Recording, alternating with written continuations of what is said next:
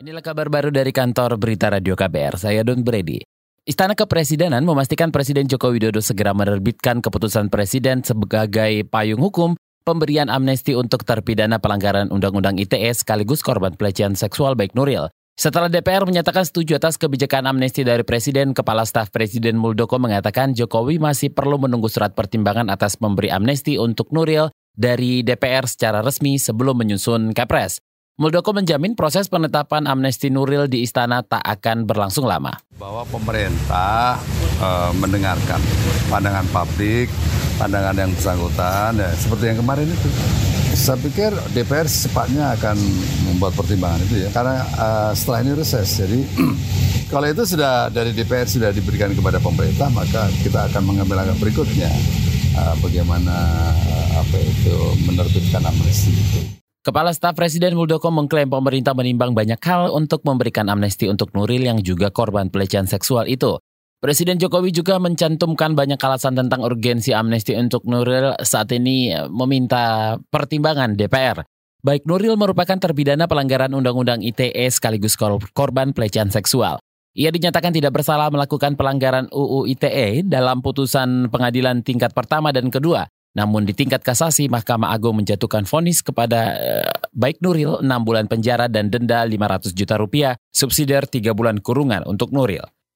Saudara Komisi Pemberantasan Korupsi KPK menjadwalkan pemeriksaan sejumlah kepala SKPD Kabupaten Bogor untuk tersangka Rahmat Yasin.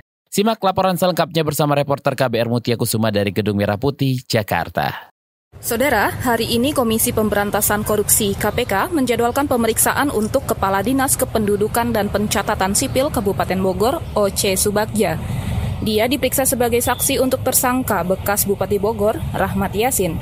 OC dianggap penyidik KPK mengetahui korupsi pemotongan uang pembayaran satuan perangkat kerja daerah dan gratifikasi terkait jabatan Rahmat Yasin.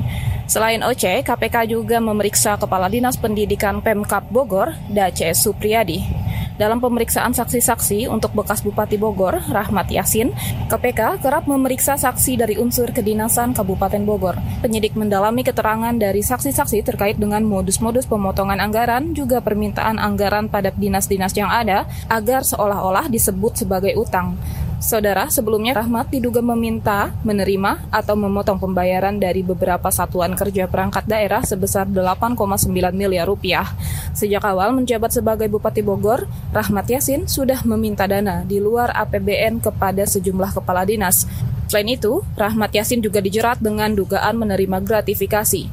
Dari Gedung Merah Putih KPK Mutiaku Sumawardani untuk KBR. Saudara Kota Balikpapan, Kalimantan Timur akan menjadi tuan rumah turnamen sepak bola pelajar Asia U18 15 hingga 25 November 2019 mendatang. Sekretaris Daerah Kota Balikpapan Syahid MN Fadli mengatakan Kota Balikpapan ditunjuk Kementerian Pemuda dan Olahraga untuk menggelar ajang tersebut. Pemerintah Kota Balikpapan juga menyiapkan tiga stadion yaitu Stadion Batakan, Stadion Sudirman maupun Stadion Bima Sakti Angkatan Udara. Berjalan terus ini. Artinya kalau dari Menpora kan sudah menunjuk kita sebagai tuan rumah. Ya. Uh, kita kan pembenahan-pembenahan, pembenahan rumput, beberapa fasilitas yang diminta. Kan ini lagi dikerjakan semua. Sekda Kota Balikpapan Fadli menambahkan pemerintah Kota Balikpapan menyiapkan anggaran di APBD perubahan untuk menyukseskan turnamen sepak bola pelajar Asia U18 ini. Negara seperti Jepang, Korea Selatan, China, Thailand, Malaysia, Singapura, Iran diperkirakan berpartisipasi dalam turnamen terbesar Asia khusus pelajar itu. Dari berita mancanegara, saudara pemerintah Sri Lanka memutuskan memulangkan ratusan peti kemas berisi sampah yang diduga diselundupkan dari Inggris. Dalam daftar bea cukai disebutkan isinya adalah sampah logam untuk didaur ulang. Namun setelah dibuka, kontainer tersebut penuh dengan limbah berbahaya dan sampah medis. 100 peti kemas berisi sampah itu baru diketahui pekan lalu setelah petugas bea cukai mengeluh tercium bau busuk dari dalamnya. Juru bicara Bea Cukai Sri Lanka Sunil Jayaratne menegaskan pengimpor, pengimpor bisa dipidana jika ketahuan sengaja menyelundupkan sampah. Sebab isinya ternyata adalah limbah medis, termasuk bangkai organ manusia. Dengan cara ini Sri Lanka mengikuti jejak Indonesia dan Filipina yang memulangkan sampah dari Australia dan Kanada. Demikian kabar baru dari kantor Berita Radio KBR. Saya Don Brady.